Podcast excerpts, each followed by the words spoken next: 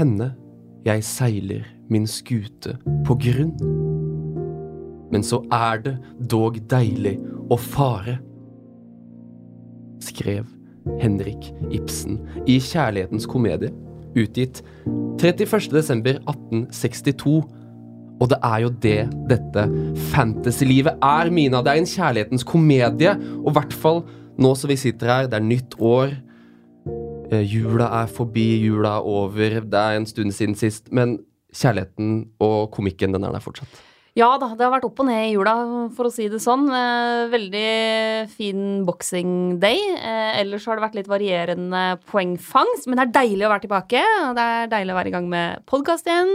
Mm. Og så er det så stas at vi har fått med oss gjest i dag. Ja, Det er jo ikke bare oss to. det er ikke bare oss to, og det er ikke bare oss som, og du som hører på. Hjertelig velkommen til deg, og hjertelig velkommen til Jonas Giæver, som da er fotballekspert, som er eh, sportsjournalist, eh, fotballnerd av dimensjoner eh, på alt som har med ball å gjøre, enten det er La Liga eller Premier League eller Chile eller norsk breddefotball. Du sluker det aller meste, og også fantasy. Velkommen!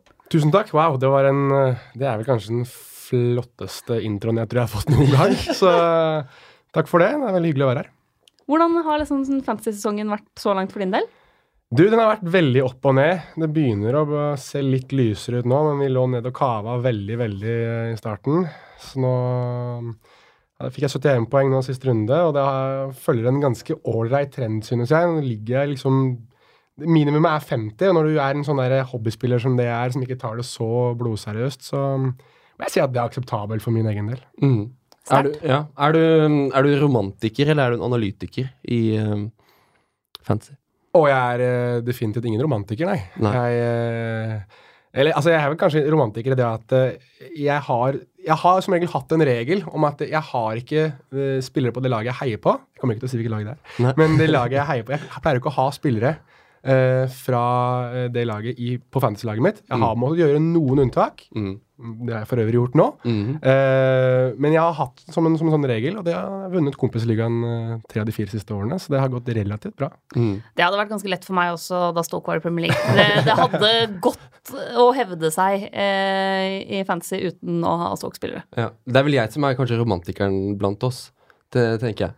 Eh, men det er eh, Altså, det er ikke rart man får et dunkende hjerte å se Eden Hazard. Uh, uansett om eh, man er Chelsea-supporter eller ikke. Så, uh, men Jonas, har du, har du, har du en plassering? Du, liksom, du skal topp uh, 10 000 i verden som hovedmål, eller har du en sånn som du sier, venneliga, du har en rival du må slå, det er det viktigste for deg? Det er, jeg kan ha røde piler peker rett ned i alle ligaer så lenge kompisligaen er grønn pil rett opp. Altså jeg, den er, Det er så mye prestisje og så uh, mye bragging rights i, i den ligaen der. Og vi har sløyfet at vi har ikke sånn som veldig mange har, hvor de har et økonomisk insentiv for å vinne de ligaene. Det har ikke vi. Det er ren ære og ren eh, passion som vi spiller på alle sammen. Og ja, den skal jeg vinne. Og um, som sagt, jeg er ikke regjerende mester lenger, for jeg ga vekk alle tipsene mine til kompisen min sist sesong. Han kommer til å si nei at jeg ikke har gjort det, men det, han vet like godt som meg at det har jeg gjort. Eh, men den skal, eh, der skal vi opp på tronen igjen. Mm. Det er fint. Det, er fint. det skal være litt sånn. Det skal være mm, vennskapelig og kameratslig, men også ganske viktig å ta den eh, seieren. Vi har fått inn en del spørsmål til episoden i dag. Tusen takk til alle som sender inn spørsmål. Det er like stas eh, hver gang. Um, og vi har fått inn spørsmål fra Per Christian Enge, som spør på Facebook-gruppa vår, TV2 Fantasy. Og jeg tror det spørsmålet er retta til Jonas, først og Det er til. Jonas. Å ja, ja. Så vi, det, vi, starter, vi starter med et direktespørsmål direkte spørsmål til deg. Yes, hyggelig. Hvem er Premier Leagues Nordin Amrabat? og da bare sånn aller først, hva er greia med deg og Amrabat, Jonas? Ah, det måtte jo komme et sånt spørsmål, det. Uh, For de som ikke vet det, da. Hva, hva er greia Nei, mellom er dere to? Dette er en veldig lang historie, men jeg skal prøve å gjøre den så kort som overhodet mulig. Men Oi, hvor mange år siden er det her nå? Det er nesten ti år siden. Det her, så var Nordin Amrabat var en av de virkelige store, håpefulle spillerne fra Marokko. For de som ikke vet dette, så er jeg halvt marokkaner. Og for drøye ti år siden så var jo ikke det norske landslaget noe tess, så da fulgte jeg mye med på Marokko. Det gjør jeg for så vidt fortsatt. Men jeg håpet da at Amrabat kanskje skulle bli en av de virkelig store spillerne i verden. Da, sånn som eh, i hvert fall noen, og sikkert eh, litt for optimistiske eh, Jonas Giæver eh, håpet på også. Men han feilet gang etter gang etter gang da han fikk sjansen på topp. Så eh, det har liksom blitt en sånn greie med at eh, han har alltid sveket meg når jeg har ønsket det som mest. Og hver gang Marokko har vært nærme å kvalifisere seg til Afrikamesterskap, til VM, så har de alltid feilet det siste hinder, og da har alltid Amrabat som regel vært med, da. Så han er liksom en av de skyldige. Så fikk han jo sin, sin revansj da, i hermetegn over meg nå i, i VM, der han var Marokkos desidert beste spiller. Og jeg vet ikke om noen husker det her, men han, vi, jeg og Mina så jo eh, Marokko mot Spania sammen. Ja. Og da sto han, husker jeg han sto eh, på rundt 20 meter stillestående og banka ballen Ja. i, i krysstanga forbi De Gea, Mm. som bare så ballen suse forbi seg. Og da satt jeg og tenkte OK, den er grei. Du og jeg, vi er, vi er uh, kvitt nå, ass. Det er helt greit, kompis. Og så, selvfølgelig, han spilte jo Sesongen før spilte han i Leganes i, i La Liga. Jeg har jo shameless plug her. Jeg har jo en La Liga-podkast som heter La Liga Loca, som vi har masse, der har vi snakket masse om ham. Så vi håpet jo på å få han eh, året etterpå også, for å få liksom snakket om den positive delen av han også, etter å ha snakket dritt om han et helt år. Men da signerte han for en klubb i eh, Emiratene. Så nå har liksom Amrabat eh, har, er liksom den fuglen som har fløyet, da. Så jeg vet Men hvem som er Premier Leagues Amrabat? Wow, det er et kjempespørsmål, altså. Er det noen marokkanere i Premier League nå? Det er Ikke se på meg, jeg garantert på deg, det. men- Det er garantert det. Eh, Men jeg tenker at en spiller som har Det må være en som skuffer. Altså Ja. en som aldri blei så god som vi skulle tro. Mm. Eh, tidvis så kan det kanskje være Morata i Chelsea. Ja. For han er litt sånn som var veldig veldig lovende, og så hender det han glimter til, men alt i alt må sies å. Theo Walcott. Oi, ja, den, er, den er veldig bra. Ja. Den er veldig bra. Men jeg vil også si, da vil jeg også si uh, James Ward Prowse. Ja. Fordi Ja. han, han trodde jeg uh, Ikke at det er noe sånn Altså Med Amrabat så var det jo Du snakket om romantiker og analytiker. Her er jeg mer analytisk. Det at det er skuffende at han ikke har blitt bedre. Mm. Uh, Amrabat så var det veldig romantisk for min del, fordi at det var en håpefull ung Jonas Giæver som trodde at det skulle bli noe mer. Men James Ward Prowse trodde jeg virkelig at det kunne bli den neste Ja. store engelske midtbanespilleren, men så har han aldri virkelig tatt det neste steget, da. Det er nesten Um, hver sommer, det. Så er det, i hvert fall når, jeg, når du sitter i den perioden før, liga, før kampen har begynt, før sesongen har begynt. James Ward-Prowse er alltid inne på et av utkastene mine. Ja, Fordi ja. det er sånn Men denne sesongen Han, han har jo dødballfot, og nå kommer Ja. han til å få spille mye. Og det her er liksom Endelig skal han slå ut i full blomst. Ikke ennå. Nei, nei, helt enig. Han også, mens vi er inne på, på Nå er det mye Southampton med Walcott og, og, Mm. og um, James Ward Prowse, men uh, Pierre-Emil Høibjerg også. Jeg trodde du skulle si Nathan Redman. Det. Du Vi kan godt ta han òg. Men vi ta Skulle bare ta hele Southampton, da. Southampton er Amrabat, liksom. ja. men Southampton er litt sånn generelt, fordi ofte når jeg sitter før kamp og ser kan se lagoppstillinga til Southampton de siste åra, så har jeg jo tenkt at sånn, her er det jo det er mye spillere. Mm. Eh, det, her er det folk som kan trille ball, og her er det folk med fot, og det er folk med fart og teknikk og liksom sånn hele pakka. Og så er det Shane Long som har ingenting av delene. Verken fot, fart eller teknikk. Ja, fart har han, da. Ai, ha- åh. Shane Long? Nei det, han, er ikke det en myte? At han har hatt At han har egentlig fart? At han er egentlig en rask spiss? Men så er han ikke det. Syns han ser tem- temmelig rask ut, jeg, men godt Han har vært litt frisk i det siste. Men, men det er et sånt lag som jeg alltid tenker at her er det jo potensialet. Ja. Men potensialet vinner jo ikke fotballkamper. Nei. Eh, og Southampton er jo et lag som jeg sånn fantasymessig syns det er For nå er det nesten litt potensial igjen. Ja, Nå Ja, er er vi på vei inn i fella igjen. Hasen, Hasenhüttel, Ralf Hasenhüttel. som jo spiller morsom fotball. Ja, veldig gøy å se. Det må være lov å si. Og har jo fått litt mer fart på, på det laget der. Uh, Moi er jo, hadde jeg også litt sånn tenkt at han kunne bli spennende også fantasy-messig, men det har jo ikke funka på noen som helst måte så langt. Er han det nærmeste man kommer marokkaner i, i Premier League? Det er kanskje det. Ja. Det er kanskje det. For jeg tenkte, Sofian Bofal er jo utlånt fra Southampton til Celta Vigo. Mm. Uh, igjen, jeg er Southampton over hele Ja, det er altså. Ja, jeg må bare si Southampton jeg, som uh, Amrabat-svaret. Ja. Og så bare håper vi at en vakker dag så kommer Amrabat til Southampton. Han har jo spilt i Watford, så Ja. det Det er ikke langt eh, fra Watford til Southampton, egentlig. Det er halvannen time med tog. kanskje? To timer. mulig. mulig. Jeg har ikke vært uh, verken eller Nei, jeg kjenner ikke så godt til kollektivtransporten i uh, nedre sør i England, men eh, vi skal uh, hive oss av gårde vi er på uh, agendaen vår for dagen. Vi skal, um, for denne episoden her, vi skal sånn, prøve å kvittere ut liksom, juleprogrammet, nyttårsprogrammet, kampene vi har hatt bak oss. Og så skal vi prøve å svare på en del spørsmål fra dere. Og så er overgangsvinduet åpent nå. Mm. Vi skal dukke litt innover. Vi skal dyppe tærne litt og se hva vi plukker opp. Og så skal vi selvfølgelig ta en titt på helgens runde. Men vi starter med det som har skjedd, vi. Mm. Jula. Det har vært fire kamper. Fire runder er det blitt uh, spilt uh, siden vi spilte inn en, uh, for vår forrige episode. Hvordan var jula, Mina?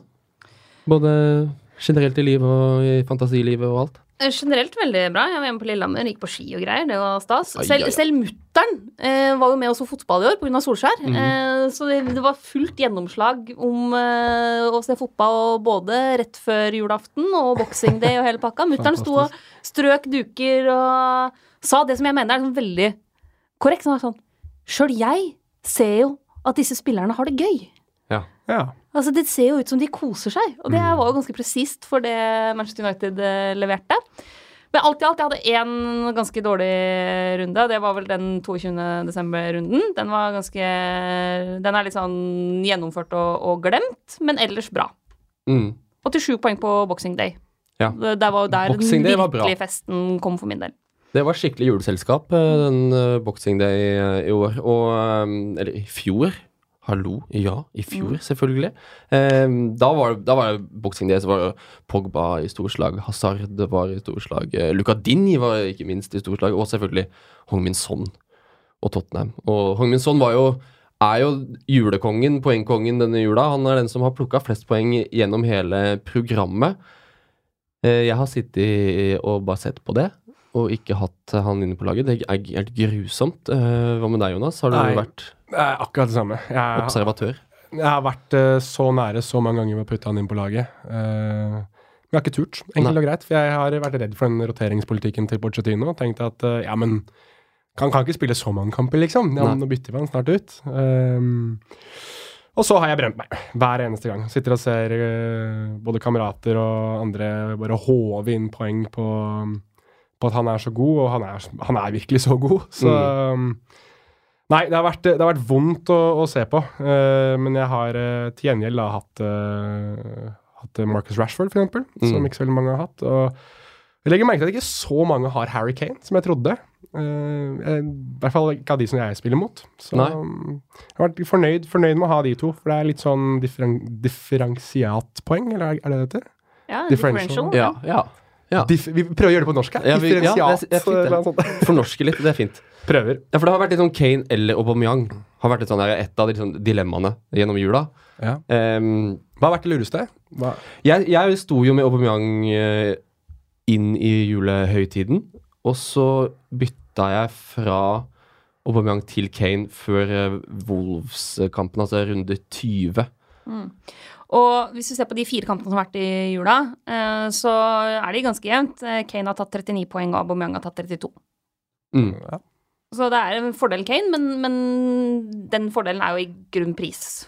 Ja, ja, ja, Forskjellen, omtrent, da. Ja. Eh, eller Kane er litt over på poeng per million i de julekampene. Mm.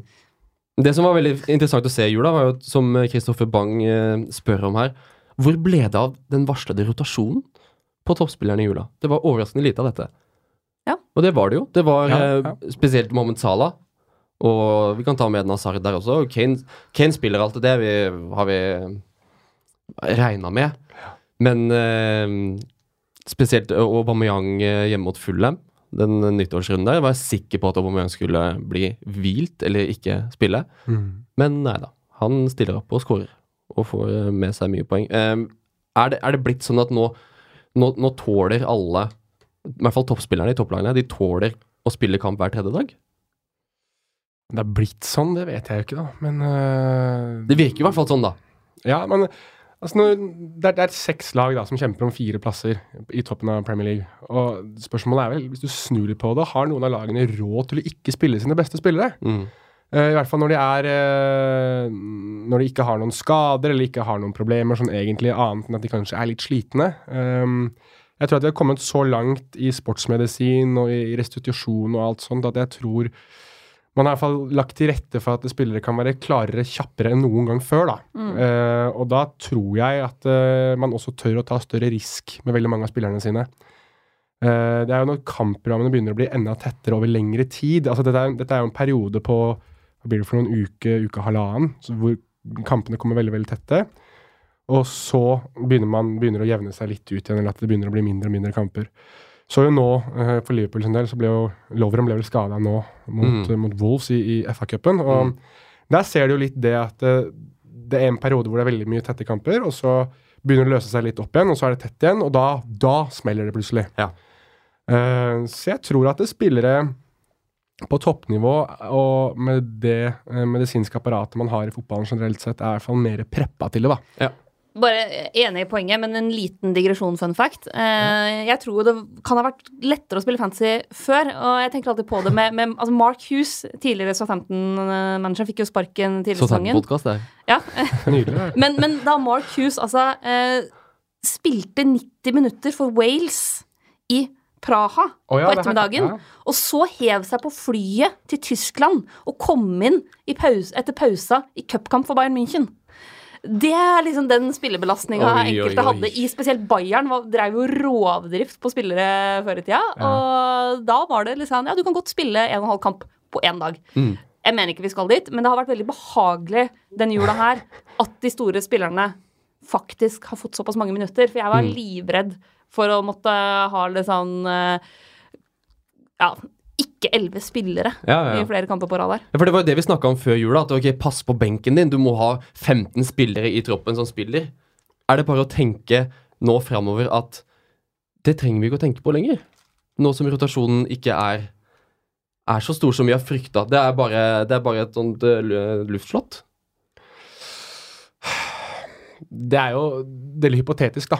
Men øh, jeg vet ikke helt. Jeg, jeg, jeg tenker jo det at øh, hvis du jevner utover en hel sesong hvis du, Som regel så finner jeg alltid ut at på slutten av sesongen så er det de toppspillerne, da, de, de beste spillerne, med, kanskje med Eder Hazard som et hederlig unntak den sesongen hvor Leicester vant ligaen, så er det de beste spillerne som som regel ender på, på mest poeng. Sånn, Mm. sånn pleier det å være. Det er ytterst sjeldent at det er Altså, Michu hadde eksempel en sesong, husker jeg, hvor liksom, hvis ikke hadde Michu, så var du helt borte. Og det samme gikk jo selvfølgelig for Mare, så var det i det året hvor Leicester vant ligaen. Men som regel så er det de beste spillerne, eh, de du tenker at å, jeg kan ikke ha ham på laget fordi han roterer så mye. Aguero er et veldig, veldig vanlig eksempel å bruke. Eh, jeg husker at folk var sånn i harnisk da Suárez og Sturridge spilte sammen, om hvem skal spille mest, og hvem roteres. og Ja. Eh, det, som, det man fant ut at var det lureste, var spill begge to. Mm. Um, så jeg tror at, eh, jeg tror at svaret um, Det er ikke et svar, men det er i hvert fall min, min mening rundt det. er at uh, Tør å stå med de beste spillerne. Hvis du har brukt mye penger på Kane, brukt mye penger på Aguero, så er det Det er jo den, det som burde være langtidsinvesteringen din. At selv om, selv om kampprogrammet ser litt skummelt ut, og du er redd for roteringspolitikk, så lenge den spilleren er skadefri, så er sjansen der for at han kommer til å spille, og han er en av de beste spillerne på banen, og en av de som kommer til å levere mest poeng. Så ta sjansen, tenker jeg. Mm. Og så finnes det jo også en del sånne kupp av spillere som koster fire-fem eller lavere, Mm. som er ganske garantert å spille nesten 90 minutter hver runde. Ja. Og det er jo sånn som Southampton-forsvarerne, da. Eh, Men sånn som, sånn som eh, Cedric som koster 4-2. Ja. Bednarek som koster 3-9. Uh, Aroman Bisakka også 4-2. Så du kan putte inn en del sånne spillere. Du har de også på Du har også noen av dem på Bisakka er på 4-5 nå. Ja, han, har steget, selvfølgelig. Mm. Men, men du har jo også sånn som for eksempel um, en som jeg skal snakke litt mer om seinere, men sånn som Westwood i Burnley, Mm. som har uh, spiller fast nå, som koster 4,5. Du kan dytte inn noen, uh, noen sånne. Uh, eller sånn som McNeil, som har fått litt spilletid. Sant? Ja. Så det å finne et par av de her som, Ok, kanskje det du får, er to poeng for at de spiller 90 minutter, men de, de koster ikke Altså, det er, de koster såpass lite mer enn de som uh, ikke spiller i det hele tatt, at ha de på benken, så er du liksom dekka inn. Du får de to poengene ekstra som kan til slutt bli avgjørende. Mm. Og Og- plutselig så får du, får du med deg noen målpoeng også. Ja, ikke sant? Fordi de er på banen uansett. Um, men denne rotasjonspolitikken som vi frykta i jula, gjorde at, eh, som eh, Christian Bævre påpeker, helt riktig, Christian, at uh, han håper at vi gjør en litt bedre research enn sist. Da vi mente at det var nesten 100% sikkert at Rashford ikke starta borte mot uh, Newcastle. Uh, og sier at det er sikkert flere enn han som gikk på den tabben og byttet han ut. Uh, jeg kan bare si jeg legger meg paddeflat, og jeg som skrev at Rashford hadde en kjenning i lysken. Det var det jeg leste før fristen gikk ut. Og da tenkte jeg ok, da risikerer ikke Solskjær at Rashford skal spille to dager etterpå mot Newcastle, når Lukaku er eh, inne og tilbake der. Men så gikk fristen ut, og så kom det en ny dag, og da kom det en ny rapport selvfølgelig, om at Rashford eh, var med likevel. Og da ble det jo masse poeng, så den eh, tar jeg på min kappe til alle dere som hørte på meg. Og mitt råd er da ikke hør på meg. Bare slutt med det. Men Marcus Rashford er jo den som er den mest populære spilleren akkurat nå. Det er han den som er mest byttet inn før eh, helgens runde. Over 150 000 har bytta han inn. Han koster nå 7,3 Mhm. millioner kroner. Han eh, har vært i superslag. Han har, han har starta de siste åtte. Fått med seg fire mål, seks assist på de åtte matchene. Er ikke det no-brainer? Jeg har han, jeg, så. Mhm. Jeg også har han. Ja, jeg har han ikke. Men jeg er ikke solgt da på Rashford. Fordi det er denne rotasjonspolitikken, og det handler om Romelu Lukaku. Ja. Ehm, og Alexis Sanchez eh, så, sånn så vidt, hvis han blir skadefri. Nå er det fortsatt litt sånn usikkert med han. Men Solskjær og United, som vi ikke har fått snakka noe om eh, siden han ble ansatt etter at vi eh, tok eh, juleferie Så hvis Rashford Ok, Solskjær er glad i Rashford. Den er grei, den kjøper jeg. Og Rashford kommer til å spille en god del, spille mye, men at Rashford kommer til å starte som midtspiss i godt over ja, 60-70% av kampene, som jeg mener du må ha en viss eh, Du må ha et sånt, sånn grunnlag for at han skal være måtte, trygg nok. Ok, kanskje han spiller noe på kanten, men med Lukaku inne, så ser jeg for meg at Rashfords Altså, han kommer ikke til å levere like godt som han vil gjøre som midtspiss. Og derfor så velger jeg å tenke Da bruker ikke jeg de pengene på han. Nei, det er, det er jo eh, lurt tenkt i så måte. Uh, Eller prøver jeg bare å være kontrær her nå? nei, du, du, du har jo et poeng, syns jeg, da. Men, men spørsmålet er om det er, om det er nå Uh, han skal Ja. begynne å droppe Rashford. Det er ikke noe poeng i å gjøre det, så, så godt som han presterer. Men det at han er henta inn, at han er mest populær før runden, og de skal spille bort mot Tottenham Ja, det er jo et mm, Ja, et paradoks i så måte, nesten, da. At uh, når de først får den vanskeligste kampen de har spilt under Solskjær, det er da man først henter inn Mm. Rashford. Sånn kontra alle de kampene før hvor um, med all respekt de lagene de har møtt, Newcastle og jeg vet ikke om, ja, Newcastle, og Huddersfield, liksom. Cardiff osv. Uh, med all respekt til dem, det er litt annerledes å møte Tottenham, og det er vel kanskje de kampene der man burde ha vurdert Rashford. Um, de som har hentet han inn nå, de har vel tydeligvis ståltro på Ole Ball, som uh, man har begynt å kalle det. Uh, det er jo veldig kult, det. Men eh, jeg tror altså, Så lenge Rashford leverer, så lenge han, han spiller så godt som han gjør for Solskjær, og vi vet jo det at Solskjær er veldig fan av Rashford. Han la- jo ut da Rashford skåra mot Liverpool, så la han ut et bilde av skjermen sin med Rashford-drakt og det som var, så tydeligvis er han en stor fan av, av Rashford, da. Så jeg, jeg antar jo det at han, eh, han ønsker å bruke han så lenge han presterer, i det minste. da. Og det er vanskelig Og Solskjær vet dette bedre enn noen andre. Å droppe en spiss som leverer, er jo nesten litt sånn harakiri-ish. Altså, du, kan ikke, du, du kan ikke gjøre det. Um, Og så er det liksom, for vi som sitter med Rashford, så ser jeg ingen grunn til å selge han selv om han møter Tottenham denne runden her. Eh, fordi kampen etterpå er Brighton og Burnley, to hjemmekamper på rad. Og så er det borte mot Leicester og Fulham. Ja. Det er kamper hvor Rashford definitivt kan levere, så jeg sitter stille i den berømte båten inntil videre. Uh, og også fordi mitt inntrykk, da, er at eh, Rashford er også en spillertype Solskjær liker å jobbe Ja. med. Eh, Du har jo fulgt eh, Solskjær tett også i Molde, og skrevet om Solskjær i The Guardian annet, Jonas. Mm. Hva tenker du rundt liksom, hvilke, hvilke spillertyper tror du Solskjær kommer til å satse på framover? Hvem, hvem tenker du er de sikreste kortene i det laget der? Nei, altså de, altså, Av det jeg har dekket Solskjær, da, ikke, er ikke dek, han, er ikke den, den som har dekket han tettest i Norge, for å si det sånn, da. Men det jeg har lært av ham, og det Molde-laget han har hatt over to perioder, er at han er veldig glad i unge spillere, unge sultne spillere som han selv kan forme, og som kan være med på å skape og, og forme en vinnerkultur, da. Um, jeg intervjuet jo, jeg snakket med Mathias Mostrøm også i forbindelse med med Solskjærs overgang til, til United, og han sa det at det, han er god på, er å skape en enhet. At alle sammen føler seg som en del av noe. At det, selv om du sitter på tribunen, Mm. så har Solskjær på en eller annen måte klart å få deg til å tro at det, Men du er fortsatt viktig. Du sitter på tribunen nå, men rollen du har i det laget her, er uansett ekstremt viktig for resten av spillerne, og for meg som trener, da, som, som Solskjær, da. Sånn som han var som spiller sjøl, Ja, egentlig. definitivt. Og, og jeg tror at eh, hvis han kan forme unge spillere, og spillere med den United-DNA-et, altså spillere som Rashford, Lingard, Pogba Jeg tror han vil bygge rundt de spillerne der, da. Og, og gjøre de til en sånn slags uh, kjernestamme da, i, i United-laget. Det betyr ikke at de kommer til å spille alle kamper hele tiden, men jeg tror at han har et godt øye til dem. Samtidig som jeg tror han rett og slett bare vil bygge et United-lag som baserer seg på fart, på angrep, på moro, på individuell briljans. Litt sånn som han selv spilte under. Altså hvis du, det er ikke så mye vanskeligere enn å si det at jeg tror han vil, jeg tror han vil basere sitt United-lag på det samme som Ferguson baserte sitt United-lag Mm. på. Så godt det lar seg gjøre, da. Ja. Og hvis du tenker på Fergusons lag, så tenker du med en gang på hva da? Giggs, Beckham, Ronaldo, Cantona altså, Du tenker på individuelle stjerner. Du tenker på briljans, da. Eh, som regel, først og fremst fremover i banen. Mm.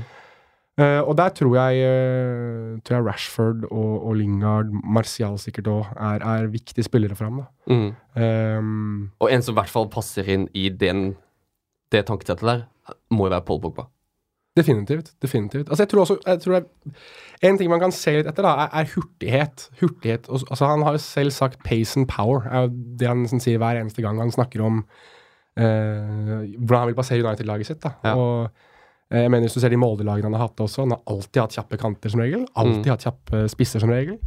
Um, så jeg mener uh, Jeg tror, jeg tror uh, han har det mest perfekte, nesten, av uh, ungt talent blandet med de kvalitetene han trenger i, i et United-lag. da. Eh, så er spørsmålet om han kanskje trenger en midtstopper. Vi skal tilbake til overgangsvinduet nå sikkert etterpå, men det er kanskje det eneste jeg tror han, han selv føler at han muligens må vurdere. Mm. For han er jo han er glad i å rotere. Han er glad i å bytte på startelveren sin, og hvem er Finner vi noen trygge, trygge spillere som kan starte hver kamp i United-laget når Solskjær vil eh, prøve ut spillere? Det var den første han sa. Alle skal få en sjanse. Og Ja. det vil jo bli mer rotasjon, tenker jeg, fremover når man kommer til disse enklere motstanderne, da. Skal jeg være captain obvious her eh, og si at eh, nei, altså, nei, men jeg tror det sikreste kortet av de spillerne vi er interessert i, da Jeg stoler ikke på dem defensivt ennå. så da er det de offensive spillerne. og Det tror jeg er Paul Pogba. Jeg tror han er den sikreste blant de offensive spillerne. Av veldig mange ulike grunner. Nå, eh, De er jo i Dubai, eller har vært i Dubai og trent og sånn. Eh, Pogba dro senere ned, Ole Martin. Ja. Hadde en liten sånn eh, Det var et eller annet, i hvert fall. Så han dro ned seinere. Han har vært nede, han har kommet ned dit, han har vært på trening, han Ja. blir klar. Så For de som eh, tenker på den der gule varseltrekanten. Nei, vi stresser ikke altfor mye med det. Det var noen bilder av han på trening i går, men jeg så. Ja. Men vi må jo snakke om en annen populær midtbanespiller i samme prissjiktet, som folk også spør mye om det, og det er jo Hong Min Son. Mm. Fordi nå kommer jo da det berømte Asiamesterskapet. Det er jo egentlig allerede i gang. Det er i gang, det nå. Eh. Men uh, Hong Min, vi, får, vi får veldig mange spørsmål på når Hong Min Son drar til Asiamesterskapet. Mm. Og det er etter United-kampen. Men likevel, Ole Martin, så Mm. skal folk eh, kjøpe sånn Over 90 000 har henta sånn før denne runden. Mot United heftig. før han drar til Asia. Ja, for én kamp. Og det er, det er, jeg synes det er, det er Ja, det, det Jeg klarer ikke helt å forstå Nei, det før når han drar på mandag. Og hvis Sør-Korea går til finalen i Asiamesterskapet, som de er, de er blant favorittene til Ja, å ta, ta med bøtta hjem, så er Hong Min Son tilbake først når de skal møte Leicester 10. februar. Mm. Det er en god måned til. Søkere har starta bra de, i Asiamesterskapet. De slo Mm. stormakten Filippinene Ja, i første kamp. Festfotball. Ja, ja. Det, Men da må vi jo ta med spørsmålet fra, fra Sofie Elisabeth Rekkavik, som spør på, på Facebook da hvem er mest aktuell å ta inn for sånn, utenom Pogba? Er det Lucas Mora, Eriksen Alli, en City-midtbanespiller? Er City-spillerne egentlig verdt prisen, sånn som de spiller nå, pluss rotasjon? Spurs har hatt veldig mange målrike kamper i jula, fint eh, program framover. Hvem, hvem er det man tenker seg som erstattere inn for Hong Min Son? Vi starter i Tottenham, da, med Lucas Mora. Med, vi kan slenge inn Erik Lamela der også. Um, og de som, altså Hvem kommer til å erstatte sånn i selve startelveren til Spurs? Lucas Mora, vel? Ja, Det tror jeg også. Ja. Også, jeg, jeg antar det, i hvert fall. ja. Men skal, hvis hvis man sitter på sånn, kan man likevel hoppe over til Eriksen Alli? Er det Er det bedre, eller skal man gå ned til Lucas Mora, som er billigere? Jeg tenker at Hvis man skal holde seg i Spurs. hvis man, hvis man Det skal er, holde, det er liksom uh, ja, hvis, perspektivet holde, her. hvis man skal holde seg i Spurs, så ville jeg gjort uh, litt ekstra arbeid for å få inn Eriksen. Mm. Ja. Eh, Rett og slett for at da har du også dødballs, eh, dødballsfoten hans. Da han tar jo mye av dødballene til, til Spurs. Hvis du har f.eks. både Eriksen og Kane, så har du den, de to som står for det aller meste da, av, eh, av uh, skåringer og målpoeng, sånn egentlig, uten, utenom sånn. Da. Altså, selvfølgelig så har du jo Trippier som, som bidrar uh, titt og ofte med både innlegg og frispark og det som er, men, men de to er, uh, og da sammen med sånn denne, denne sesongen her, så føler jeg at man er ganske helgardert da, i, Ja. i Tottenham. Så jeg, jeg støtter det å gå for Eriksen, jeg. Mm. Rett og slett, for jeg syns Ally er litt sånn Han er litt for opp og ned, da. Han har på en måte tre gameweeks hvor han er veldig god og kanskje ligger på tolv poeng, da. Og så går det en del runder hvor han ikke gjør så veldig mye, og så er plutselig han tilbake igjen og gjør noe. Jeg, de type spillerne liker ikke jeg. Eh, jeg blir sånn stressa. Jeg vet ikke hvor lenge jeg skal sitte på dem. Du vil heller ha de som leverer 6-7 poeng hver runde, enn de som leverer 2 poeng, 2 poeng, 2 poeng, 2 poeng, 15 poeng, 2 poeng, 2 poeng, 2 poeng. Ja, riktig. Det er eh, Marko Arnautovic eh, ja, da han spilte i Stoke, da. Han Ja. hadde jo Sorry, Mina. Ja. og han hadde, hadde de grusomme greiene sine med at han gikk veldig mange gameweeks uten å gjøre noe som helst, og så hadde han plutselig 18 poeng da, et eller annet sånt. Mm. Jeg blir helt stressa av de greiene der. Er det noen City-spillere vi tenker å vurdere inn på midtbanen? Altså, det er, du må jo punge ut mye hvis du skal opp på type Kevin De Bruyne, Raheem Sterling. Eh, Det kan være vanskelig å få til Frank Winsson. Ja, det er de to navnebrødrene for meg. Som, ja, Bernardo og Bernardo og David. Ja. Ja, enig. Um, og først Jeg tror jeg vil sette David Silva som nummer én av de to. Som en potensiell erstatter. Nett, nettopp hatt bursdag. Gratulerer med dagen til David Silva. Ja. Gratulerer, David. Uh, han 8,5 koster han. Så der er det jo så å si samme pris som, eh, som Hong Min Son. Ehm, var jo litt sånn skada i desember, men slik som jeg tolker Pep, i den grad jeg er tolk, så er David Silva ekstremt viktig for Pep Guardiola i den City-midtbanen. Bernardo Silva har, spesielt mot Liverpool, da, så hadde han en vanvittig match. Og har spilt mer enn det vi kanskje hadde trodd han skulle gjøre. Men David Silva som en sånn det er, det er, jeg, får, jeg får følelsen av at han er sånn hjertet i det laget der. Ja. Og det har, det har kanskje blitt litt forsterka med at Kevin De Bruyne har vært ute. Ja. Men når Pep skal sende ut sine beste menn, så er det David Silva og Kevin De Bruyne som spiller foran Fernandinho på den midten. Og når, Ja. med de indreløperne som går så høyt i banen, og er såpass mye i boks når de kommer rundt på innlegg, eh, inn i innleggssituasjoner, så er David Silva ekstremt uh, fin, syns jeg. Men jeg får alltid følelsen av at David Silva er den som som regel er tredje sist på ballen. Altså sånn Mm. Citys Shawi. type. Ja. Typ. Ja. Ja, altså, ik ikke det at det er, det er noe gærent i det, sånn egentlig, men for Fantasyens del Mm. så er jo det eh, Ja, for det er liksom ganske, ganske frustrerende. Også, ja, så kan egentlig hvem som helst være tredje sist på ballen i City.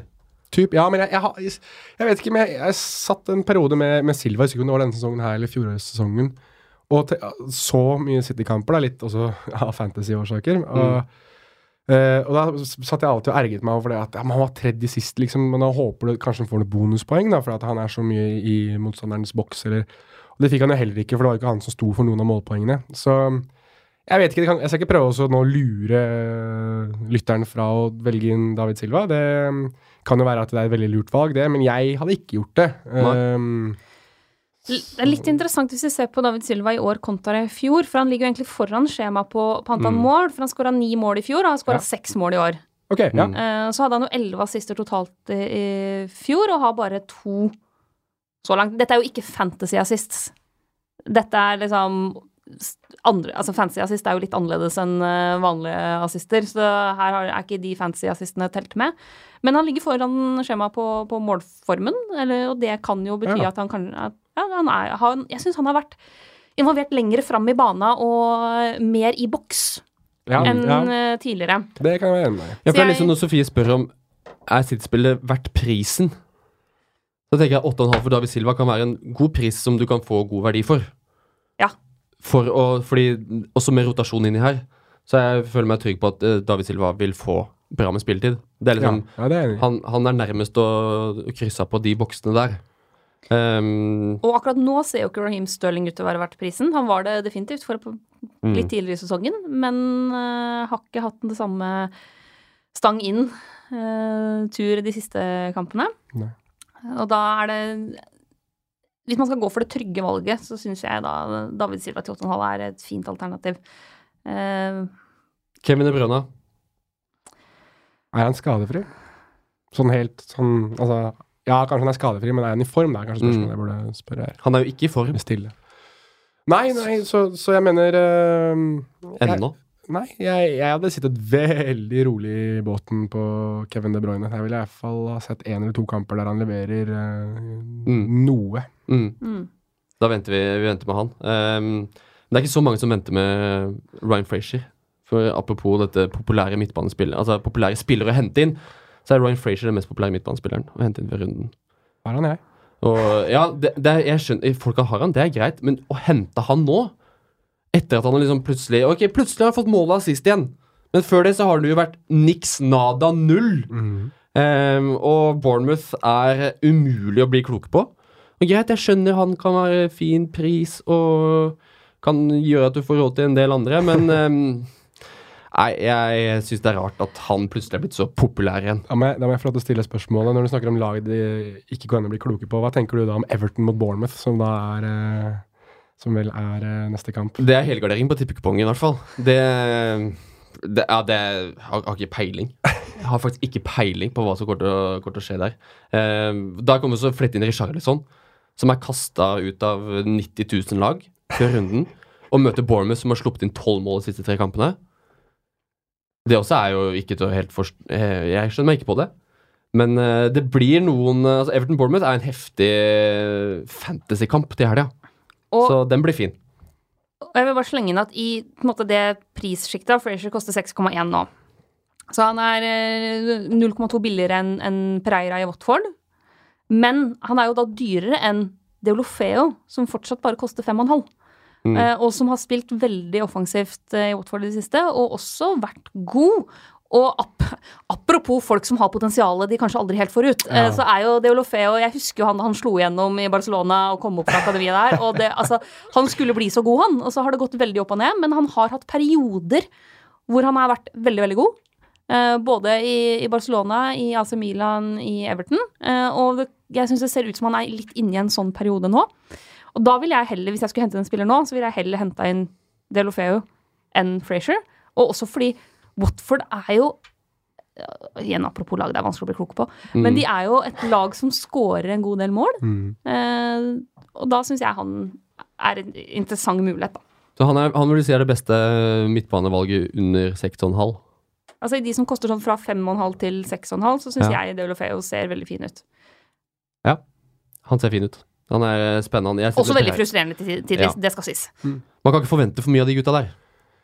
Nei, i hvert fall ikke at de holder det At de holder noe poengfangst ved like, nei. Nei. Det, så du må gjøre deg klar for en del eh, blanks, Mm. eh, tror jeg. Men, men som sagt, altså Jeg må, må bare ha medhold i det, eller si meg enig i det Mina har med Deolefeo, at eh, når du skal snakke om fotballspillere man aldri har blitt klok på, kommer aldri til å bli klok på, så er liksom det er han, Isak Cuenca, Christian Theo, Jean-Marie Dongo Det er bare Bojan.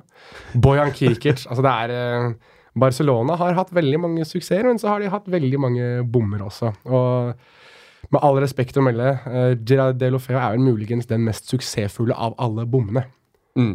vil jeg påstå. Mm. Ja, jeg setter ham foran Bojan Kirkic, til tross for at han har gjort, uh, Mm. gjort seg til en kjæledegg i Stoke. Delefeu blir spennende å følge, for nå har han spilt en del spiss og, Mm. for Watford, så det er gøy. Men eh, nå, Mina, nå sitter du og kribler eh, noe vanvittig her, fordi du har, har noe du har ikke bare vært hjemme på Lillehammer denne jula, du har jo sittet og altså, nerda inni i statistikken hele romjula, har du ikke det? Altså, jeg har jo noe tall, da, vet du. Jeg har jo alltid noe tall. Eh, og jeg tenkte vi må se litt på de fire kampene i jula, da. Hvem er det som på en måte utmerker seg også når vi ser på de underliggende tallene? Og det er et par ting der som jeg syns er interessant. Det første er det litt eh, United som vi har snakka mye om tidligere, eh, med både Pogba og Rashford som har levert bra med poeng. Og store spørsmålet er er det, er det flaks, eller har de også spilt på en måte som tilsier at de skal få de poengene? Eh, og de leverer også tallene, da. Mm. Altså, Pogba er eh, topp fem på attempted assist, altså forsøk på assist. Han, eh, han har ti. Det er det samme som Hazard, for eksempel. Så ser vi at eh, når vi ser på, på skuddstatistikken altså Det er jo egentlig Jeg har vært hjemme på Innlandet i jula. Og som alle der veit, så er det jo egentlig ikke lov å drive med jakt i jula, for da skal det være julefred, også for dyra. Men det er jo en del spillere som har ignorert det der skuddforbudet så voldsomt, og en av dem, det er Marcus Rashford, som altså leder avslutningsstatistikken eh, gjennom jula, sammen med Mitrovic, eh, med 18 avslutninger totalt. På, på shots on target så er det Rashford og Pogba på topp, med ti begge to. Og på skudd i boks så er da Rashford også topp fem. Så det er ikke bare tilfeldigheter som gjør at de har levert. Spørs det store spørsmålet er jo klarer de å holde flyten hvis de får en tøff kamp mot Tottenham. Så er det et par billigspillere som utmerker seg, som jeg syns er interessant. Eh, og en av dem er jo tidligere nevnte Westwood. Eh, det er jo kanskje ikke sånn at folk løper mann av huset eh, for å kjøpe West, eh, for å kjøpe Burnley midtbanespillere, men han koster 4,5. Eh, han har skapt like mange store sjanser som eh, Sala i løpet av jorda. Fire. De to pluss Iwobi er eh, på topplista der. Det er der. pallen sin, det. Ja, Oi, han oi, oi. er nummer to på attempted assist med elleve. Bare én bak Stirling, som topper lista der med sine tolv. Det syns jeg er Ja, jeg syns jeg er spennende at han er en mann man finner igjen der. I hvert fall når han er så billig. Å ha han som en type femte midtbanespiller, Ja. ikke så dumt. Og så er det jo da på, på spissene så er det to jeg syns er interessant. Mitrovic, som ligger helt i toppen både på avslutninger totalt, skudd i boksen og skudd på mål. Kanskje kan han våkne litt igjen nå. Eh, Da er han et godt alternativ, og en av de vi veit kommer til å få veldig veldig mye spilletid. Mm. Og så er det Ashley Barnes. Eh, og igjen så er kanskje ikke liksom Burnley det laget flest tenker at de skal gå til, men han koster 5,6. Altså. Så han er eh, blant de billigste Mm. spissalternativene av de som faktisk spiller fast og leverer. Ingen har hatt eh, flere sjanser enn Ashley Barnes i løpet av jula. Seks stykker. Da er han rett foran Salah med fem og Aubameyang eh, med, med fem. Han eh, er på topp fem på avslutninger totalt. Han er på topp fem på shots on target, og han er på topp fem på skudd i boksen. Han har flere skudd inne i boksen enn en Harry Kane, og like mange som Aubameyang. Så, så tallenes tale tilsier i hvert fall at her er det, her er det noen jokere det er mulig å, å gamble på nå. Ja, jeg synes eh, Westwood ser, eh, ser spennende ut, av de du nevner der. Ikke De- Barnes, altså? Skal Dobbel Ashley fra Burnley, Det er- liksom. ja. Det er jo, altså, Burnley, eller Sean Deitch, Sean Deitch har vel uttalt noe i den retning av at nå skal vi liksom back to basics, eh, tilbake til route one. Tom Heaton har jo kommet inn i målet igjen. Kelke ballen opp. Og, og- ja, ikke sant? Og ja. Da er det Ashley Barnes og Chris Wood og Ashley Westwood som skal løpe rundt der. Sam Vokes. Ja, Jeg, jeg syns jo det er litt hyggelig og fint og en fin gest at noen sørger for å ta vare på Stoke-arven i Premier League nå som vi har rykka ned. Ja. ja, det er fint. Det er fint, Men eh, det skal litt til for at man hiver inn Ashley Barnes og Ashley Westwood. Ja, Man hiver jo ikke inn begge, men, men Westwood tenker jeg som sagt blant de spillerne som er bare grisebillige, som du kanskje stort sett skal på benken. Ja. Hvis du, hvis du tenker over det, da. Eh, den billigste midtbanespilleren jeg har- på laget mitt nå, er er jo Tom Kearney. Ja. 4-7. Mm. For han, han har ikke akkurat levert så veldig mye, han. Eh, så hvis du tar ut han da, og setter inn på Westwood bare for å få de eh, null minus Eller null, null pluss, hva blir det for noe? 0,2. 0,2, sorry. Eh, 0,2 i banken. Merker at jeg ikke klarte å si det. Eh, så har du jo muligens, da, akkurat det bitte lille du trenger for å få på plass en stjernespiller i angrep, eller en forsvarsspiller du har lyst på, f.eks., eksempel, da. Eller en Mhm. keeper du kanskje Mm. Trenger. Og så er det en kar som nå har vist at han i alle fall er inne i en sånn liten streak, da. Så Mm. kanskje han kan gi deg en runde eller to med syv-åtte poeng, jeg vet ikke. Ja, for, men da, da, har du, da har du mange bytter til overs, tenker jeg. Altså, da, har, da har du et lag som, eller en tropp som sitter veldig godt i det. Hvis du skal begynne å bruke bytte på det. Er det jeg tenker. Og, men det kan jo godt være at folk har. Um, altså, hvis man satser litt på Burnley Det er ingenting som er morsommere enn å satse litt på Burnley-spillere og se Burnley-kamper. Uh, spesielt når du får det på sånn mandagskvelden der. Så er det fantastisk gøy å ha Burnley-gutta. Um, men apropos Ashley Barnes, når Gustav Stavseng spør på Instagrammen vår hvilken billigspiss er mest aktuell nå, utenom Ra Raúl Jimenez, så kommer du til å være Ashley Barnes, Mina. Jeg har jo lyst til det, men eh, jeg tenker jo at eh, hvis Mitrovic er i ferd med å våkne, så er det interessant, da. Mm. Og det er, jo tryggere på Mitrovic enn Barnes, sånn egentlig.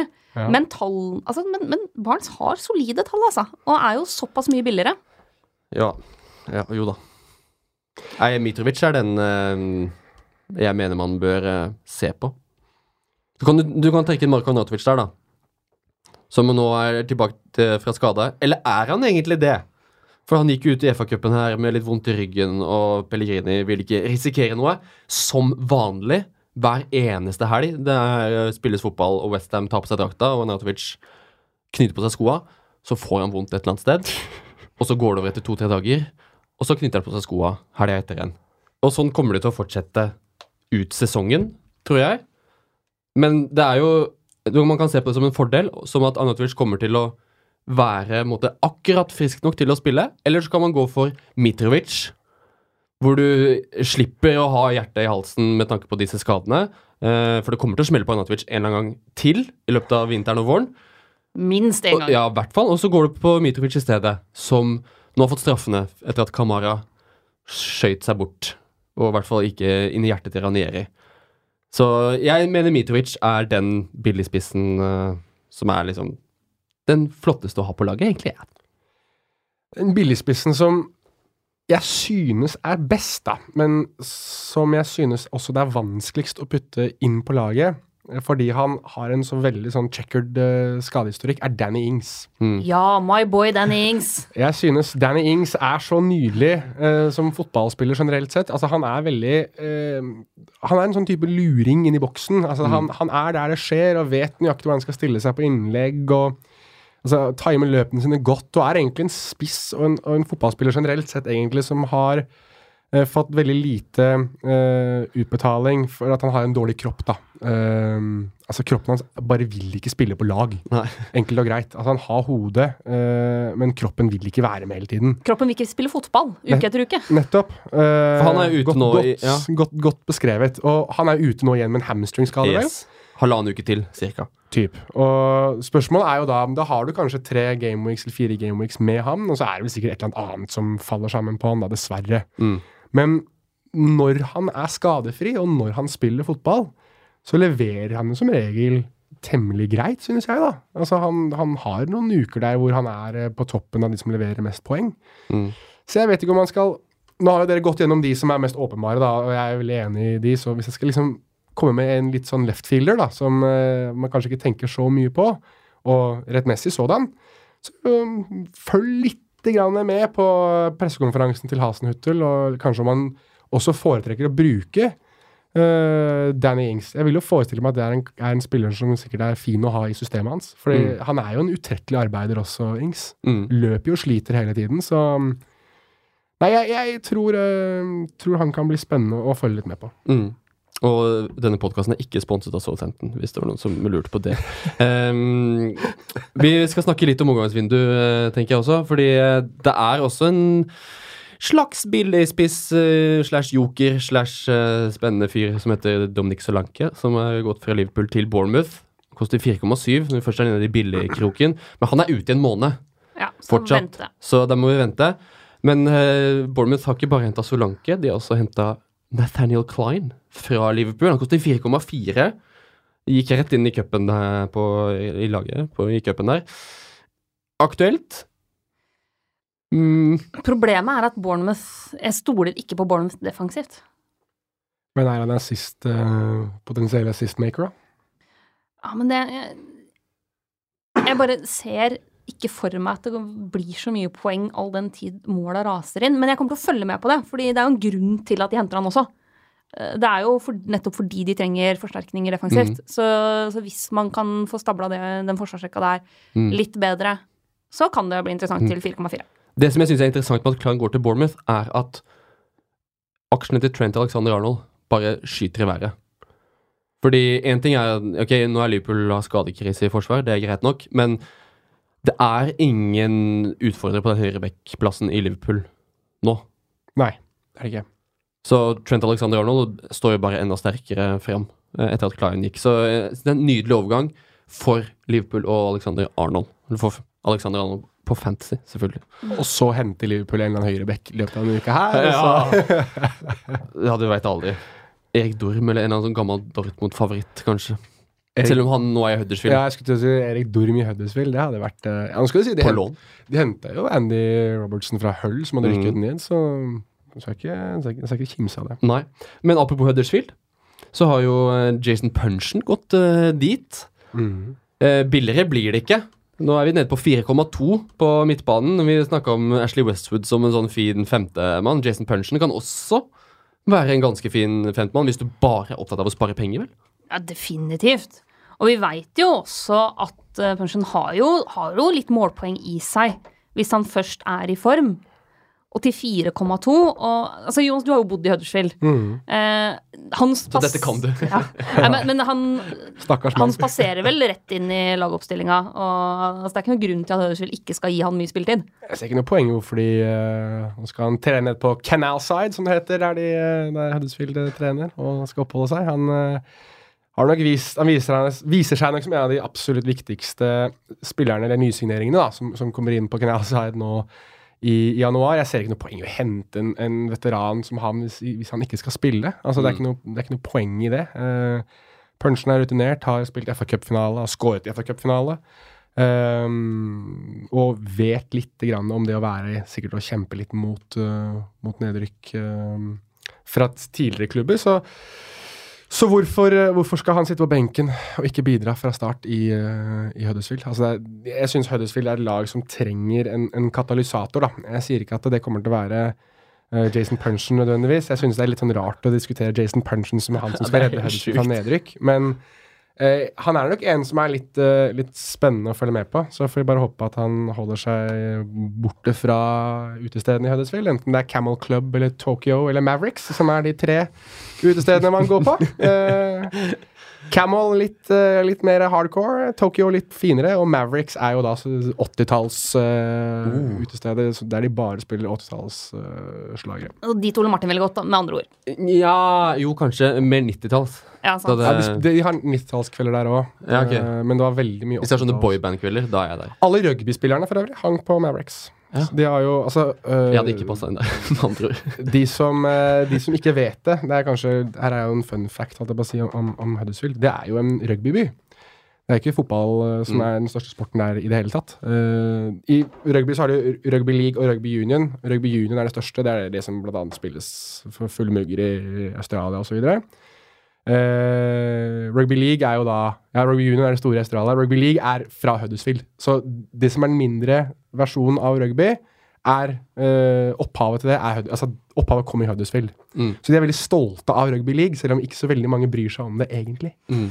Ikke si det så høyt. de blir dritsure. Eh, men, eh, men de deler jo, da. Altså um, Huddersfield Giants, er det vel det heter? Ja, det er rugbylaget. De deler jo stadion med Huddersfield Town. Så eh, de som har da eh, sesongkort på Giants-kamper, får da eh, avslag på også å få eh, billetter til, til eh, Huddersfield Town. I hvert fall sånn det var da jeg bodde der, da. Men da var det i championship, og det var ikke så spennende. Eh, kanskje litt eh, annerledes nå, jeg har ikke vært der, og jeg kommer nok ikke til å dra tilbake dit med det første heller. Det er i dessverre uh, Unnskyld, jeg vet at det kanskje er noen Huddersfield-fans som hører på. Det er ikke en morsom by å bo i. Det er en liten, mørk arbeiderby. Det har, noen vil si at det, oh, det har sin engelske sjarm. Det har sin sjarm i en uke, og så er det greit. Det er, er jo litt som å ha Huddersfield-spiller på fantasy. Det, det er sjarm med det et par runder, Mm, og så går du lei. Men til 4,2 så er det Ja, men det er fortsatt ikke sjarm, bare fordi det er 4,2. Nei, men, men ok, hvis du kan få 90 minutter og et par målinvolveringer på det kommende halvåret, så Ja. syns jeg det er verdt det å ha på benken. Eh, men det finnes jo en annen, eh, betraktelig yngre Mm. spiller, som også koster 4,2, Mm. midtbanespiller, som kan bli interessant nå, og det er Hudson Odoi i Chelsea. Ja.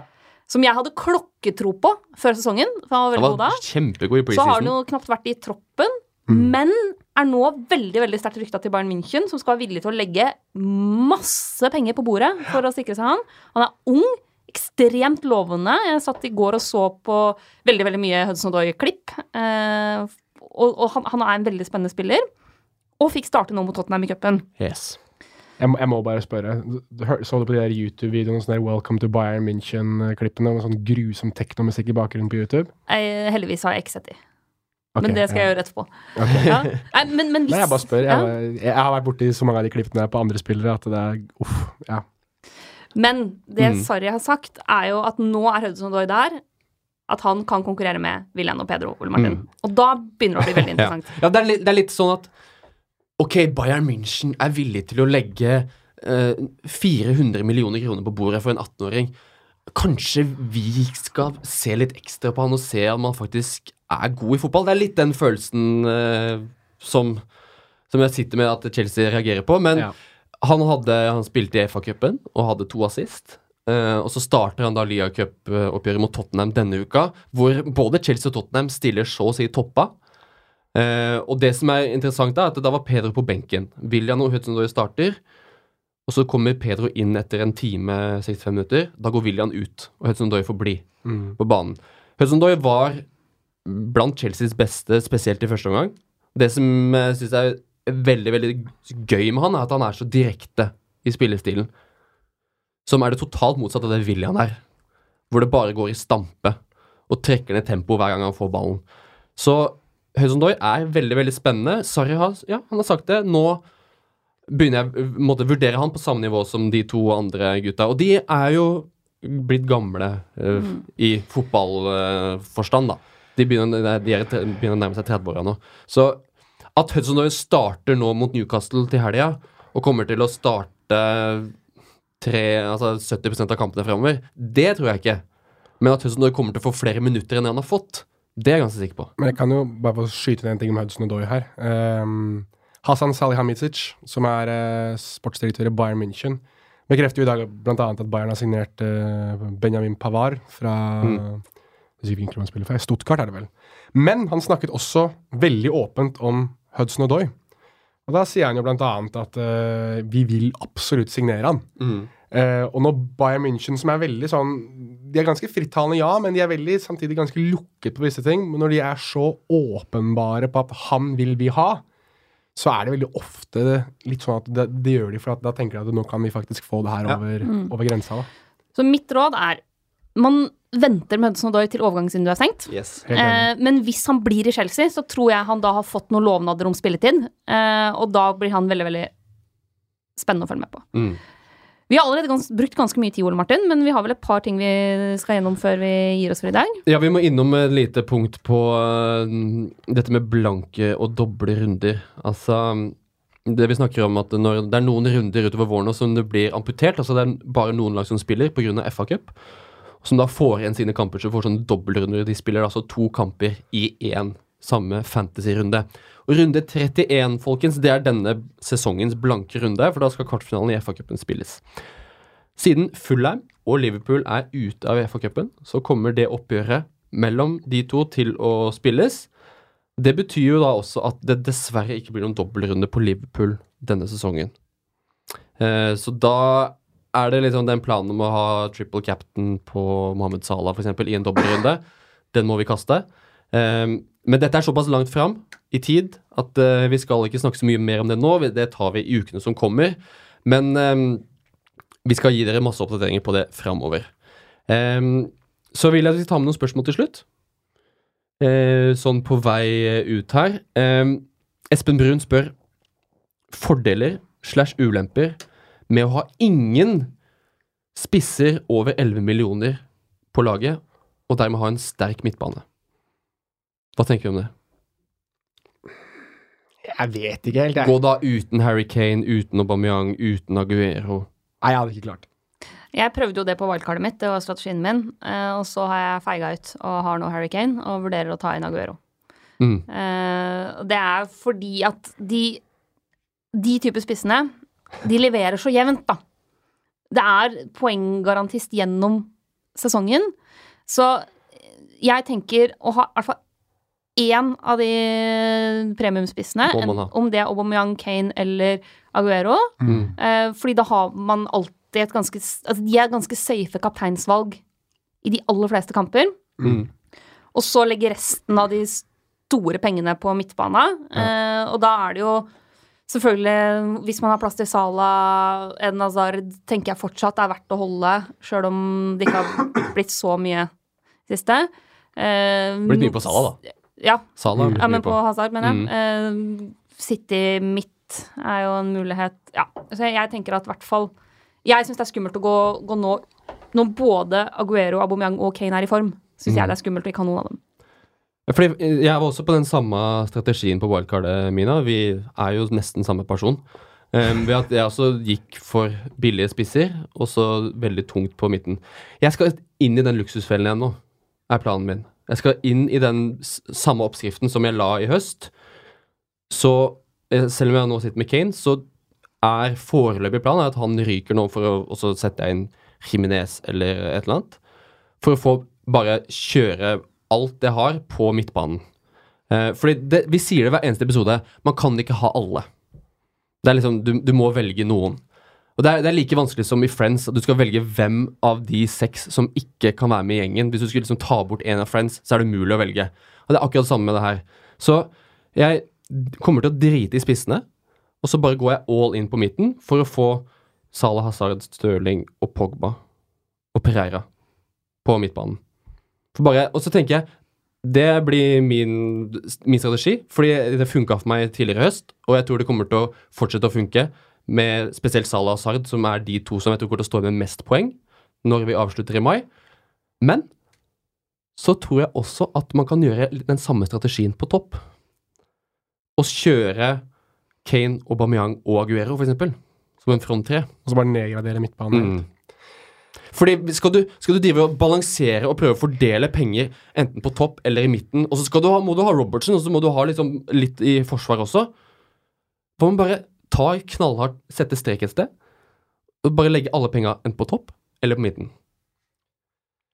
Det tror jeg kan være noe. Ja, Den observante lytter har hørt at jeg, at jeg har hosta og harka litt her på min side. Jeg har hatt litt sånn influensa. Jeg kjenner at jeg får et sånt eh, comeback av det nå når jeg hører på det du sier her. Jeg blir jo helt stressa. Jeg klarer ikke Men det er mye verre å sitte og balansere fram og tilbake da med Kane og Aubameyang og sånn. Nei, jeg har bare plass til én, så må jeg velge bort én. Velg heller alle da i en lagdel, og så slipper du det. Ja, men så har du jo ingenting på neste lagdel, da. Det er jo Nei, åh. Si noe, Mina. Jeg klarer ikke det der. Ja, nei, jeg, jeg kommer nok til å gå for en, en kombo med et par premium på midten og minimum én på topp. Mm. Ja, Ja, det men- fair nok. Men jeg synes, jeg synes jo det er en øh, øh, Fra spøk til alvor. Det er, det er jo en strategi som, som uh, potensielt kan vin, vinne deg en del poeng som andre ikke får, da. Det tenker jeg jo Mm. for de som nå Jeg synes det er som en strategi for Hvis jeg nå, da Nå snakket jeg om kompisligaen min tidligere i episoden her. Hvis jeg hadde ligget på bånn der, da, og tenkt at nå må jeg gjøre et eller annet lurt Ja. for å ta, ta igjen resten på topp her, da ville jeg gjort noe sånn som det du snakker om. Og i hvert fall tenke litt nytt og prøve å kanskje Skal jeg bare kuppe én lagdel og bare, bare nå håpe at Mm. den lagdelen her skyter meg opp på, på, på tabellene? Eh, for det er litt sånn all or nothing når du har Ja. eh, den, den uh, taktikken der. For at det, det er jo det man snakker om. Hvem redder uka mi nå? Jeg, jeg synes det er vanskeligere å altså Du kommer er- litt på glid her, jeg hører det. Nei, men jeg, jeg ser hvor du vil hen. Jeg kommer ikke til å gjøre det. Men, jeg, men jeg prøver jo å lage en logikk ut av det, selv om jeg synes det høres jo helt. Altså, det høres jo så, så skummelt ut at jeg blir stressa. Ja, men fordi det er noe med det er, Ja, det er, det er skummelt, men det er noe med Du må Du må gutse litt. Du må gutse litt. Du Ja, må gå litt utafor den Men, berømte men, boksen. er, men er du enig da at det her er mer en, en strategi, en taktikk, som du burde vurdere dersom du nå må, må hente igjen noen, da? Altså Hvis du ligger litt lav på, på en tabell Mm. som du har lyst til å vinne, så er kanskje det her veien å gå. Ja, ja, det kan man fint gjøre. Men samtidig så tenker jeg altså at øh, det er en strategi som kan funke for nummer én og nummer 1000 på den tabellen. Jeg mener du det? Ja, det tror jeg. Ok. Uh, men det er fordi jeg Jeg følte at det, det funka veldig bra for meg i høst.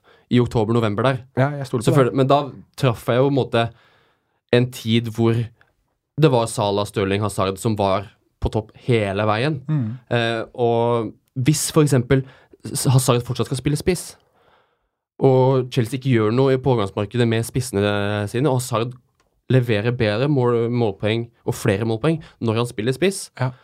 så stiger han også i verdi. Og City er eh, fortsatt gode til å spille fotball og skåre mål. Så du vil liksom, det er noe med at du vil ha noe fra alt. Eh, og det tror jeg du får mest Du får det best til hvis, spesielt med den midtbanestrategien som jeg kommer til å gå tilbake til nå, fordi også det er billigere spissalternativer som kan holde følge med, sånn noenlunde, med de store kanonene på topp. Ja, riktig.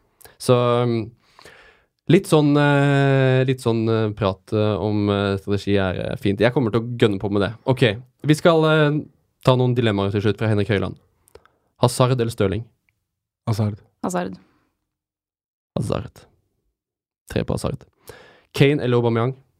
Ja, Kane. Lag, Kane. Laget mitt heter The Harry Kane Train, så Mm, det er det tre på Kane der også. Og Felipe Andersson eller Richarlison? Oi, den er vanskelig. jeg, har- jeg har begge to. Jeg skulle likt å ha ingen av dem. Fordi For ingen av dem leverer For meg så leverer ingen av dem. Altså Hver gang jeg har byttet de Eller siden jeg har byttet dem inn, så gjør de ingenting for meg. Så Mm. Jeg vet ikke om jeg har klart å jinxe dem for resten av fantasyverdenen. I så fall beklager til alle. um, men måtte jeg ha valgt mellom uh, Filippe Andersen og, og Richarlison, så tror jeg Richarlison. mm, Jeg sier også Richarlison. Ja, jeg er faktisk enig. Uh, nå kommer det, det Den grønne enga til Westham er jo ikke like grønn lenger. Nei. Og det er flere om beinet. Mm, det er det. Um, ok, dere. Det er uh, fotball igjen til helga. Tenk på det. Tenk så deilig det er å få servert en nydelig meny som eh, får, eh, vi får selve desserten på søndag. Eh, vi må ta noen ord om Tottenham United. Eh, vi har snakka en del om det, men de som har både Tottenham-spillere og United-spillere, skal man spille de mot hverandre? Spiller man alt fra begge lag, eller kjører man all in på ett av lagene? Si du sitter med Trippier og Rashford. Jeg stikker med Trippier, nei. Nei, men Men hvis, hvis hvis det er noen som gjorde gjør det. ja, jeg trodde du mente at jeg gjorde det. Nei. Nei, hørte jeg feil. Uh, Jo, det gjør det!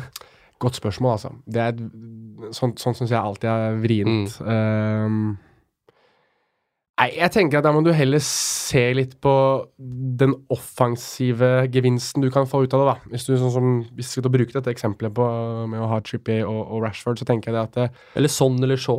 Og så. Ja, altså Tror du da at bekkene, eller den bekken, eller det midtstopperen, potensielt sett kan gjøre noe offensivt, da? Mm. Eh, jeg tror at det er ganske åpenbart at Rashford eller Kane eksempel, kan gjøre noe, utrette noe offensivt. Så jeg ville stått med, med den spilleren der så å si uansett. Det er nok den defensive jeg så ville ha byttet ut eller benka. Men jeg synes eh, det kommer veldig an på hvem, hvem vi skal fram til her. da. Altså, Trippier syns jeg skal stå uansett, fordi Mm. han, han har en så positiv offensiv oppside. Luke Shaw på den annen side er jeg litt mer usikker på. Uh, Uniteds forsvarsrekke generelt sett litt mer usikker på, egentlig. Men, uh, men uh, Altså, ja. Tripp, Trippier er kanskje en, en av de veldig få jeg tror jeg ville bare latt stå. Selv Mm. om jeg hadde hatt Lukaku og Pogba og Mm. det som er. Du spiller alt offensivt. Ja, Definitivt. Eh, og så ville jeg også spilt Trippier hvis jeg hadde hatt han. Uansett hvem du hadde hatt. Da skulle du ha hatt United-spillere i det offensive. Ja, jeg tror jeg ville spilt Trippier da, fordi mm. offensive poeng Det er såpass stor sjanse for det. Ja. Og da er det bonuser og det som er. Mm. Så. Mm. Matt Doherty, da. Bort mot Manchester City. Benkes hos meg. Ja. Selv etter at Wolverhampton slår Tottenham borte, og de har slått Chelsea hjemme, de har spilt uavgjort mot City hjemme, Doverty har plukka poeng mot de så å si aller fleste motstanderne. Er ikke de inne i en skikkelig dårlig steam, da, Wolves? Slo Liverpool i FA-cupen, da. Selv om det var et reservepreget eh, Liverpool. Det samme med Robertson. Altså, jeg benka han når de borte mot City. Han fikk assist, han. Og får med seg bonuspoeng på tampen her også. Jeg er kanskje mumlet her. Jeg sitter og titter på resultatene deres nå. Det ser ikke så dumt ut som jeg trodde det gjorde. Ja, kanskje. Jeg, jeg vet ikke helt. Jeg tror øh, Jeg tror jeg benker den. rett og slett fordi jeg Altså, du vet aldri helt med City, da. Du vet, plutselig så Altså, blir det skårer de seks mål, liksom. Det, Jeg synes uh, Nei, jeg, Og- jeg tør ikke. Jeg tør ikke. Doherty har ikke scora siden runde 16. Uh, han har på de siste 1, 2, 3, 4, 5 kampene én assist. Så Mm. det har vært mindre offensivt i det siste. Og uh, Fernandinho er tilbake for City. Ja. Det um, kan lukte benk da på Doherty. Borte mot City. Hvilke bytte gjør vi før runden av dere? Det er jo store spørsmålet. Vi sitter med to bytter alle tre. Mm. Eh, dere to har litt i banken, dere. Tre, Sparte opp. Tre millioner på deg, Jonas. tre millioner To millioner på meg. Um, jeg har ikke bestemt meg ennå. Ikke i nærheten av å ha bestemt meg, men jeg kommer til å prøve å få inn enten Sala eller Aguero. Og hvem av de jeg lander på, eh, avgjør egentlig hvem jeg må ta ut og alle de greiene der. Eh, Det kan til og med hende at eh, det blir minus fire for å få det til. Um, men ja. Jeg jeg skal gjøre en jobb for å få inn enten Aguero eller Sala. Er det jeg tenker nå. Mm. Ja, jeg uh, vurderer jo veldig da å ta ut uh, Felipe Anderson. Mm. Um, jeg, vet, jeg vet rett og slett ikke hvem jeg skal sette inn. Ehm, jeg kan få i Mané, for eksempel, men Mm. eh, jeg, jeg, jeg har Altså den, fordi hvis jeg tar ut Hvis jeg tar ut Felipe Andersen, så har jeg, 10-3 Mm. å, å handle for. Og da navn som Sané, Mané, ser jeg. Sånn, hvis jeg vil ha den ene runden. Pereira er jo, er jo mulig. Um, det er, Eriksen er, Mm. er uh, mulig å hente inn. Så jeg, um, jeg sliter skikkelig da, med å velge, velge en som kan komme inn der. Men uh, akkurat nå så heller jeg faktisk mot uh, Christian Eriksen. Ja. Faktisk. Mm. Jeg sitter også med to, to bytter, og um, som sagt, det er denne planen min med å forsterke midtbanen uh, min. Jeg venter én runde med å gjøre det. Eh, så Kane og Sigurdsson blir til Jimenez og uh, Sala først neste runde. For denne runden så sier jeg takk for nå, Kolasinac. og så eh, dunker jeg nok inn eh, Jeg skal bli Jan Bednarik, da. Nå skal jeg prøve noe Siden jeg sponsa Southampton. Nå skal jeg prøve noe litt eh, gøy her mens jeg sitter og, og har en form for digresjon, om det går. Hvis, du tar, hvis jeg tar ut Doherty og um, Doherty og Skal vi se Hva blir det? Doherty og Felipe Anderson, så har jeg råd til Bednarek og Edin Azad. Mm -hmm. Det er jo ikke dumt. Eh, Det er også mulig jeg feiger totalt ut og bruker det ene byttet mitt på å få inn Ricardo Pereira. Ja, ja, det er ikke dumt tenkt, det. Ja. Det er ikke så feigt, egentlig, det, Mina. Det kan være fint, det. Leicester er, har et fint program Mm. framover. Så um, Men det er nok ingen Ricardo Pereira blir nok ikke din kaptein eh, til helga, Mina. Hvem skal du ha som kaptein? Akkurat nå tror jeg det blir Harry Kane. Eh, United eh, har slitt defensivt, og eh, Kane er i form. Det åpenbare valget vi ser kanskje ut til å være Eden Hazard mot Newcastle, men det er ikke sånn at han nødvendigvis leverer så godt mot lag som Newcastle. Og jeg husker den kampen mellom Newcastle og Chelsea i høst, hvor Benitez var innmari flink til å tvinge Chelseas spill altså De ble, for, de ble altfor isolert ute på kantene, og Mm. han var utrolig god til å stenge av de pasningslinjene som Sarriball egentlig er avhengig av. Og Newcastle er ikke et lag man kan feie over, da. Så, og Eden Hazard trives jo ofte mer mot litt mer offensivt orienterte lag. Så jeg tror da heller at jeg går for Kane. Mhm. Og så tør jeg ikke å kapteine nei, United-gutta mot Tottenham. Og jeg tror, føler meg heller ikke trygg nok til å kapteine Leroy Sané. Som er de alternativene jeg på en måte har. Nei. Du, Jonas? Din kaptein? Ja, det sp- Jeg vet ikke helt ennå, men jeg, jeg heller mot Mohammed Salah. Ja. Borte mot uh, Brighton. Jeg um Han samler mye eurobonuspoeng denne uka. Han har vært og mottatt pris og Ja, ute og flyr. Selvtilliten hans må jo være altså, through the roof. Han mm. fikk vel noe sånn Afrikas beste spillerpris nå, jo. mm. Eh, som er veldig, veldig fortjent. Um, og så er altså Liverpool De garanterer mål hver eneste kamp de spiller. Altså de det er den derre fronttrioen, da. Og det er, Salah er som egentlig involvert når Liverpool gjør noe offensivt. Og hver gang det er, det er mål. Og jeg er ikke solgt på det jeg har sett av Brighton, altså. Jeg synes ikke det er noe sånn eh, lag det er enkelt å forelske seg i spillemessig. Og jeg tror rett og slett at Liverpools høytempofotball er eh, nesten litt altså skal jeg ikke si det, for han klarte å sitte der, men det er nesten litt uslåelig. Mm. Uh, og for Brighton så tror jeg, tror jeg det kan gjøre ekstra vondt. da, og hvis de skårer to-tre fire mål, da, så er det nesten så man kan i hvert fall føle at det er en form for garanti at Salah kommer til å være enten mål eller sist i to eller tre av de. Mm. Så da um, og Men, men jeg, jeg synes Mina har et veldig veldig godt poeng når det kommer til, til Kane. da. Uh, dette er jo den første ordentlige testen da, for Ole Gunnar Solskjærs Manchester United. Og uh, de har slitt defensivt, også under Solskjær. Så, og når de først da møter en, en spiss i absolutt verdensklasse som Harry Kane, så er det ikke alltid altså, tenker de sjansene Christian Atsu brant uh, for Newcastle mot Hvis Harry Kane hadde fått de sjansene der, så hadde han fort hatt uh, både to og tre mål. Så um, jeg tror, uh, tror lytteren skal Hvis du sitter med både Salah og Kane, så har du et vanskelig valg foran deg, altså. Mm. Det har i hvert fall jeg. Men akkurat nå heller jeg mot Mohammed Salah. Og så er det to minutter igjen for deadline, og så bytter jeg over til Kane. Ja. Harry Kane er nok også den som får kapteinspinnet fra meg, men jeg skulle jo ønske at det ikke var han.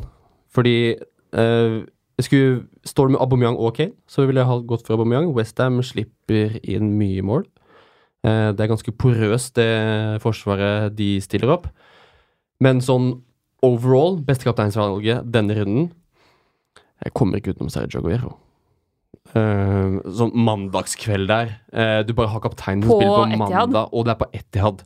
Og jeg føler meg ganske trygg på at det City-laget som Guardiola sender ut der, der er det De Brønne, der er det Sané, der er det Stirling, der er det Aguero.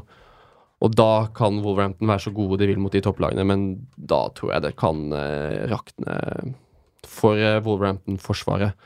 Få De Brønne Aguero-linken tilbake der, det tror jeg kan bli bli veldig veldig skummelt, og da blir plutselig alt endra igjen. For da kommer vi til å sitte her neste uke og snakke om at vi må ha inn de igjen.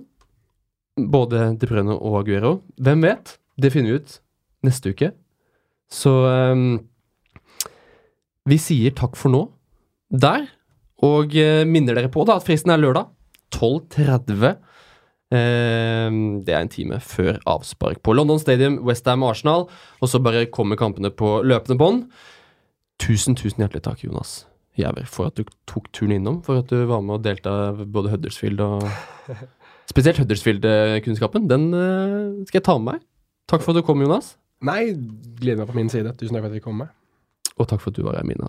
Bare hyggelig. Som uh, vanlig. Takk for at du har hørt på uh, denne praten. Så følg oss på Instagram, Facebook, du veit hvor du finner oss. Og så ses vi på fredag, Fancy-fredag, på begge plattformer. Og så ses vi og høres neste uke på podkast. Hei da.